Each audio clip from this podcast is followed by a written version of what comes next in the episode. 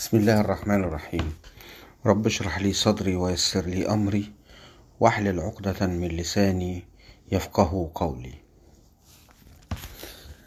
اليوم نتكلم عن مسألة شغلت بال الكثيرين وأخذوها على رسول الله صلى الله عليه وسلم بأنه قطع رؤوس اليهود بني قريظة ولم يشفع عنه ولم يعاملهم مثلما عامل الكفار في فتح مكة. وبالطبع رد الكثيرين وتكلم الكثيرون عن هذا وأفاضوا وحاولوا أن يجدوا التبريرات ولكنهم لم يصيبوا كبد الحقيقة. ولكي نفهم ما تم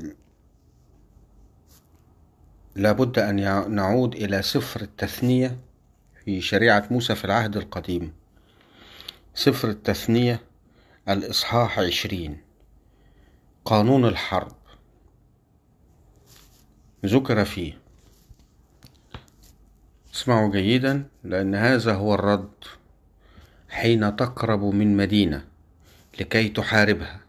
استدعها إلى الصلح فإن أجابتك إلى الصلح. وفتحت لك فكل الشعب الموجود فيها يكون لك للتسخير ويستعبدوك. وإن لم تسالمك بل عملت معك حربا فحاصرها. وإذا دفعها الرب إلهك إلى يدك فاضرب جميع ذكورها بحد السيف. أما النساء والأطفال والبهائم وكل ما في المدينة كل هذا غنيمة فتغتنمها لنفسك وتأكل غنيمة أعدائك التي أعطاها الرب إلهك. هكذا تفعل بجميع المدن التي ليست مدن هؤلاء الأمم.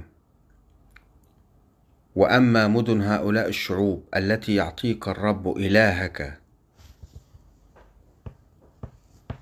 فلا تستبق منها نسمة ما. ده الكلام اللي مذكور في العهد القديم سفر التثنية الإصحاح عشرين. ونأتي إلى ما حدث من الرسول عليه الصلاة والسلام مع يهود بني قريظة. ماذا فعل رسول الله؟ لقد طبق عليهم شريعتهم. لقد طبق عليهم شريعتهم.